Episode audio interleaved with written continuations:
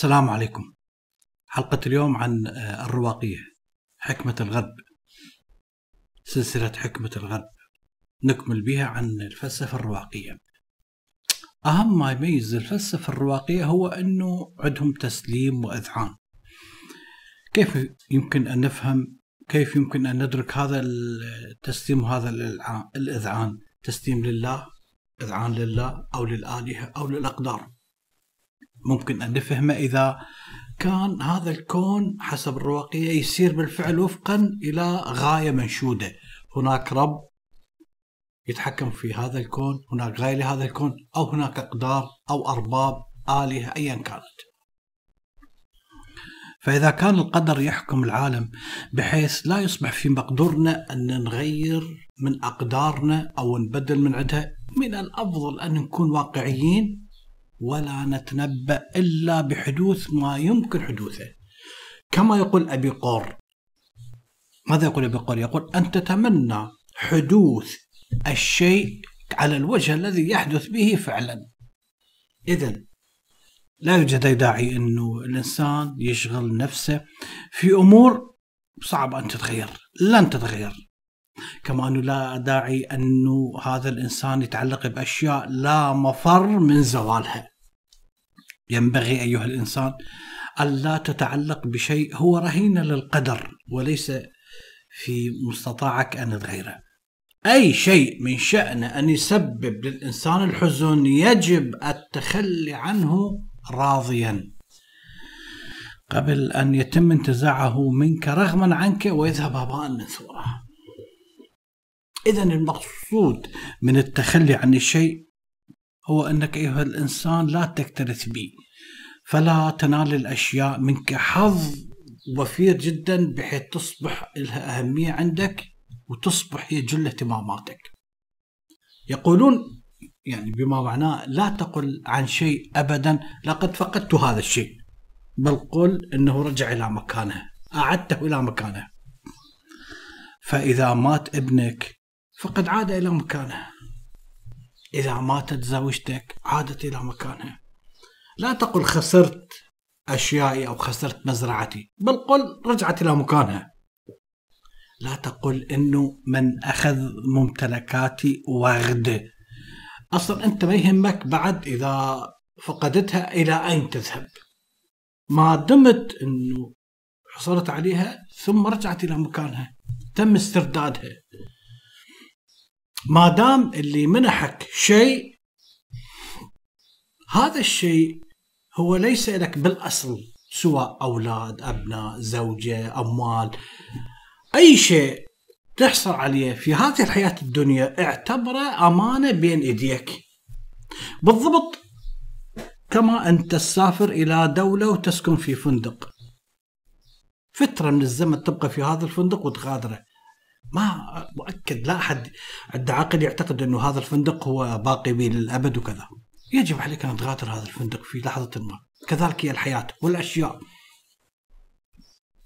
اذا أفضل الطرق اللي تساعدك أيها الإنسان على تقبل فكرة القدر هو أن تسافر في حمولة خفيفة. كأنه هناك مجموعة من الناس يذهبون إلى مكان ما. كلما كان الحمل ثقيل المسافة سوف تصبح أصعب. بمعنى أن ارتباطاتك أيها الإنسان أموال وبيوت ومزارع وحياة وكذا فعندما تغادر هذه الحياة الدنيا هذه الارتباطات صعبة.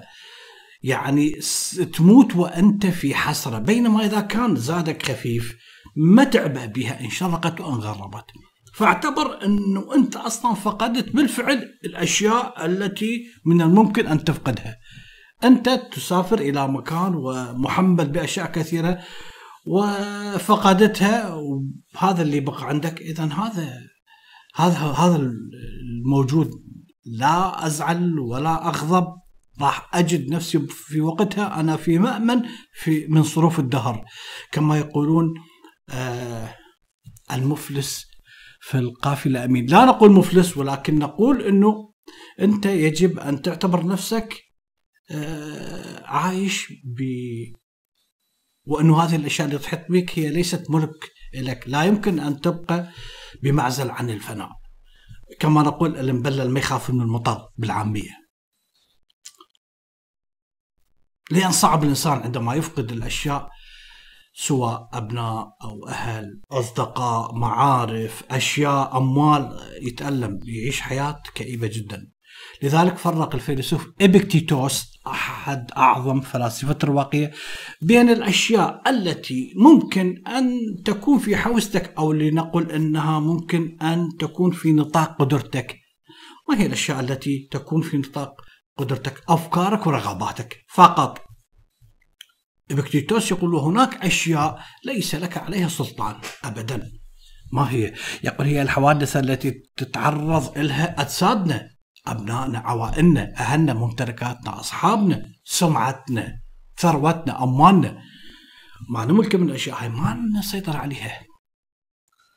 فيقول إبكتيتوس إنك لو كبحت مشاعرك أو أعادت توجيه مشاعرك بحيث تستطيع التركيز على ما يقع فقط في نطاق قدراتك اللي هو الأفكار والرغبات. وتتجاهل كل ما عدا ذلك. لن يتمكن أي أحد من إكراهك على فعل ما. أو ممكن أن يصرفك عن فعل آخر. أو يلحق بك أي ضرر. انسحب إلى داخل نفسك. هكذا نفس الشيء يقول الفيلسوف الرواقي ماركوس أوريوس الإمبراطور الرواقي الذي قضى قسط كبير من حياته وهو إمبراطور. كان هو وشقيقه اثنينهم إمبراطور يعني بنفس الوقت يحكمون. واللي كان يدافع عن هذه المملكة في حروب كثير جدا. هذا الإمبراطور الفيلسوف رأى في الفلسفة سلاح للدفاع عن النفس. بنفس الوقت فيلسوف الرواقي الآخر سينيكا نفس الشيء دافع عن هذه المبادئ وقال يجب أن الإنسان يعمل انسحاب تكتيكي إلى مواقع أكثر في النفس. الرجل السعيد ليس ذاك الذي يحسبه العامة. سعيد بمعنى الناس دائما تحسد الرجل الذي تكتظ خزائنه بالأموال وما يملك من بيوت وسيارات وأرصدة. لا. لكن الرجل الغني والسعيد هو الرجل الذي تفيض نفسه ثراء. هذا بالضبط نفس حديث سقراط الذي كان يرى أن السعادة هي سعادة الروح ورخائها واللي هي أهم ما موجود في هذه الحياة. إذا هؤلاء الفلاسفة يؤكدون على أن السعادة الروحية تعني السعادة الأخلاقية. الفضيلة هي الشيء الوحيد الذي يزكي الأنفس. الفضيلة هي الشيء الوحيد الذي يزكي الأنفس. طيب ما هي الخطيئة؟ يقولون الخطيئة هي الشيء الوحيد الذي يلحق الأذى بالنفس. إحنا نعرف أن الكلبيين هؤلاء الفلاسفة هم أساتذة الرواقيين فاعتقد بعض الكلبيين إنه هذا ماذا يعني؟ إنه هذا يعني رفض كامل للحياة التقليدية على الإطلاق. كيف؟ هؤلاء الكلبيين كانوا يسخرون من هؤلاء الذين لا يرون معنى للحياة. كان يسخرون منهم. الرواقين لا الرواقين في هذه الناحية يتفقون مع الكلبيين في رؤيتهم للأشياء الظاهرية. فالفيلسوف سينيكا يكتب يقول إنني أنكر تماما أن تكون الثروة أمر صالح أو أمر نبيل أو طيب ابدا. لماذا؟ لأنه لو كانت الثروة أمر صالح أو طيب أو نبيل لأصلحت أحوال الناس. كثير من الناس يملكون ثروه هم اراذل البشر أو غاد. فلا يمكن أن نعتبر انه المال ممكن أن يصلح النفس البشرية. لكن مع ذلك الرواقيين أخذوا موقف أكثر جدية وحكمة تجاه الأخلاق عندما نقيسهم بالكلبيين. ومع ذلك يحظى موقفهم بقبول شعبي أكثر من موقف سقراط. لم تكن السخرية من الذين لم يتمكنوا من معرفة أهمية نقاء الروح مثل ما فعل قبل قليل قلنا الكلبيين الجيوجيين الجيوجيين العفو الجيوجيين هو فيلسوف الكلبيين اللي كان يسخر من هؤلاء الذين لم يعرفوا نقاء الروح كان يسخر من الذين آه، يعني لا همهم الأول والأخير هي الشهرة والأموال والحياة السعيدة. فكان يرتدي ثياب آه، قذرة ويجلس في في حوض وعايش حياته بأكملها داخل هذا الحوض. كان يسخر من الذين متشبثين بهذه الحياة الدنيا. الرواقين لا. الرواقين رأوا أنه ينبغي على الإنسان اقتحام الحياة العامة من أجل أن ينشر الفضيلة ويدحر الرذيلة عن طريق الإقناع عن طريق الفلسفة. أما النفس التي قال بها ماركوس أوريليوس أنه على الإنسان أن ينسحب إلى داخلها فيقصد أنه ليس فقط أن يدخل كما كان في سجن كما لو أنه في سجن ويبتعد عن الناس لا. يعني النفس تقصد بها هنا نفس عقلانية ذات قوة وذات سلطان. يعني نفس تشبه العقل الكوني. هذا العقل اللي يسير العالم ويسير طبيعته وينظم ينظم هذا العالم. إذا الروح هي الحصن الأمامي هي الموا... الخط الأمامي المواجه لإمبراطورية الطبيعة الروح هي الأصل لذلك يجب على الرجل الحكيم يجب على الرجل الفاضل أن يوجه روح العاقلة إلى أين؟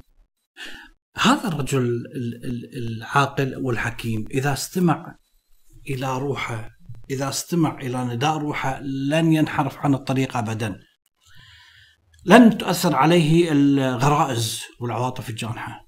هذا بالضبط يتفق مع الوصية الأولى من وصايا الأخلاق الرواقية اللي هي انسجام أن الإنسان يعيش في انسجام مع الطبيعة.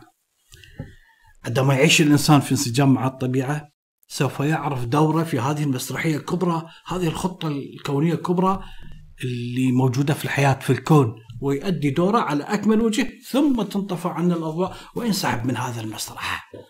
الإنسان إذا استطاع أن ينسجم مع كل المصائب التي تحدث في هذه الحياة الإنسان عندما يخوض غمار هذه الحياة خفيف بدون متاع ضخم بدون أهواء بدون رغبات عظيمة وتقتصر فقط اهتماماتها على أمور الروح والفضيلة طبعا وأكيد العيش لكن هذا العيش عيش معقول عيش يكفي للحياة حرة كريمة. هذا الإنسان سوف يؤدي دوره واجبة في خطة العالم على اعتبار الإنسان يعيش في مسرحية كبرى. يستحق أن نقول عنه هذا ممثل قدير أو بطل ممكن أن يتم الافتخار به لأنه عاش دوره على أكمل وجه على الوجه الصحيح. الرواقين أيضا عندهم دور أو عندهم آه، أمر يتعلق بالموت تحدثنا عنه بالحلقة السابقة فالرواقيين تركوا لك من خلفهم إرث جدا ضخم يتعلق بالتناول السليم لمسألة الحياة والموت، الموت بالتحديد. بالضبط حالهم حال الابيقوريين الأبيقوريين، الأبيقوريين والرواقيين الاثنين تناولوا هذه المسألة بكثافة. ولكن نحن نعرف عندما طرقنا للإبقوريين عن الموت الإبقوريين قالوا أنه الموقف الأمثل من الموت هو أنه تتجاهل الموت فأنت قبل كنت عدم ثم سوف تذهب للعدم. طالما أنت حي إذا لن تلتقي بالموت. وطالما أنت ميت إذا أنت بعد ما تخاف من الموت. الموت لا يعنينا ولا يجب أن نلقي له بالا. هذا الكلام للإبيقوريين الرواقين لا. الرواقين وجدوا أن الموت هو دائما الإنسان يعرف أنه مصيره هو يموت. ما لا يوجد إنسان يبقى مخلد. إذا الموت هو تذكرة للإنسان بالقدر أنه نهايتك معروفة محسومة من البداية بعد بأنه كل شيء دنيوي في هذه الحياة هو لا شيء هو عدم. هو سوف يكون عدم. إذا كنت أنت نفسك ستتحول إلى عدم. لذلك رأى الفيلسوف ماركوس أرجوس أنه قصر حياة الإنسان من الأمور اللي تمنحنا سلوان. فقال لا تحزن كل أمر يمضي سواء كان هذا الأمر سيء أو جيد. هاي هي سنة الكون. عما قريب أنت أيها الإنسان نفسك سوف تصبح عدم حتى لو كنت يوليوس قيصر أو الإمبراطور أغسطس. فترة من الزمن تأدي دورك وفي مال لا. لذلك الرواقين يرون أنه حين تستحيل الحياة وفق مبادئ الفضيلة الفضيلة اللي يدعون إليها الرواقين الموت حالة أفضل. الموت يصبح خيار للإنسان إذا ما استطعت أن تعيش حياة فاضلة. وهذا الأمر الرواقين ورثوه من أساتذتهم الكلبيين وهي الانشغال بفكرة الانتحار. فكرة الانتحار تقريبا أول ما نتطرق لها وبكثافة هم الرواقيين. قبلهم الكلبيين قالوا أن الإنسان الذي لا يقدر على حياة عاقلة رشيدة فاضلة عليه أن يلجأ إلى الموت بوصفه ملاذ نهائي. آخر الحلول. الرواقيين نفس الكلبيين كانوا مهتمين بفكرة الانتحار. لدرجة أنه بعض معاصريهم عندما أخذوا هذه الفكرة غلوا في هذه الفكرة غلو جدا كبير. بعض الفلاسفة اللي أخذوا من الرواقية أو الرواقيين حتى. لدرجة أنه بعض الفلاسفة من مدرسة قريبة من الفكر الرواقي وصلوا إلى مرحلة أنه يعني الطريقة الوحيدة التي ممكن أن نتجنب فيها مصاعب الحياة والتي لا مفر منها هي الانتحار. أن الإنسان الذي تنسد أمامه كل الطرق ويصبح الحياة جحيم هذا الإنسان ينتحر بدون تردد ويخلص من هذه الحياة. كان هناك فيلسوف يدعى هيجي سياس. هذا هيجي سياس كان يلقبوه خطيب الموت. هذا كان مؤيد آه، بشدة لفكرة الانتحار. بالتالي تم تحريم محاضراته بعد أن تفشت ظاهرة الانتحار في وقته بين الناس بكثرة. قام اللي يسمع محاضراته ينتحر يعني. فطردوه من المدرسة اللي يلقي بها المحاضرات. إذا لم يذهب أحد من الرواقين إلى هذا الحد أنه يعني الانتحار هو الخلاص وال وإنه الانتحار هو آخر الحلول. لا لكن مع ذلك إذا عندما نأتي إلى الفيلسوف سينيكا انشغل بهذه الفترة هذا الفيلسوف الرواقي انشغل بفكرة الانتحار فقال إنها تأكيد على حرية الإنسان. فكان سينيكا يسأل بينه وبين نفسه عن الطريق المفضي إلى الحرية كيف يكون الإنسان حر؟ لاحقا توصل إلى الإجابة. ما هي الإجابة؟ الإجابة هي انه تقوم بقطع أي عرق من أعراق من إي عندما تقوم بقطع أي أول عرق من جسدك هو هذا الطريق إلى الحرية يعني الموت.